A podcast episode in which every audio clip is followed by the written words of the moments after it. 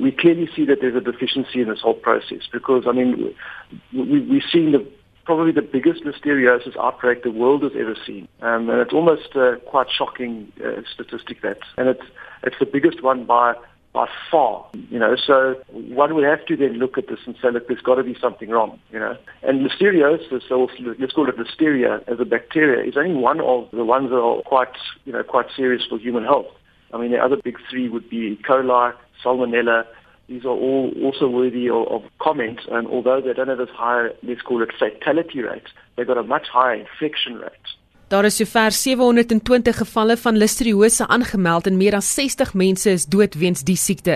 Lloyd Jones sê dit kan ook wees dat die bakterie op ander plekke sou ontstaan het as die algemene plekke waar die owerhede soek. You could have a, an influx of particular imported product that's widely consumed that has, you know, it does contain the, the bacteria and is infect, in, in an infectious dose. Um, that could definitely be the case. Bearing in mind that at this point, to import to South Africa, and to get your import uh, certificate, you know, they will essentially only require a salmonella and the E. coli test.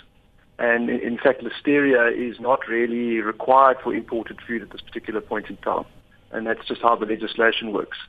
But I think more importantly, one must understand the logics around the situation.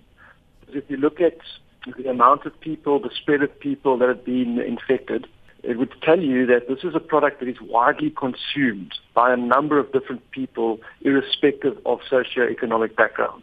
Hy sê die listeriose bakterie wat in Suid-Afrika gevind is, staan bekend as ST6 en die bakterie is wêreldwyd verantwoordelik vir voedselvergiftiging. Hy sê in oorsese navorsing is bevind dat mense wat dan voedselvergiftiging kry, op 'n spesifieke manier die infeksie opgedoen het. So it, again you start to eliminate certain products in a logical fashion to say, okay, well, it's got to be these types of products um, that are in fact causing the, the, the, you know the situation, and then from there you can start understanding you know the history of it, and you know you can look at uh, worldwide what has been the trend, and by and large, I mean in many most cases.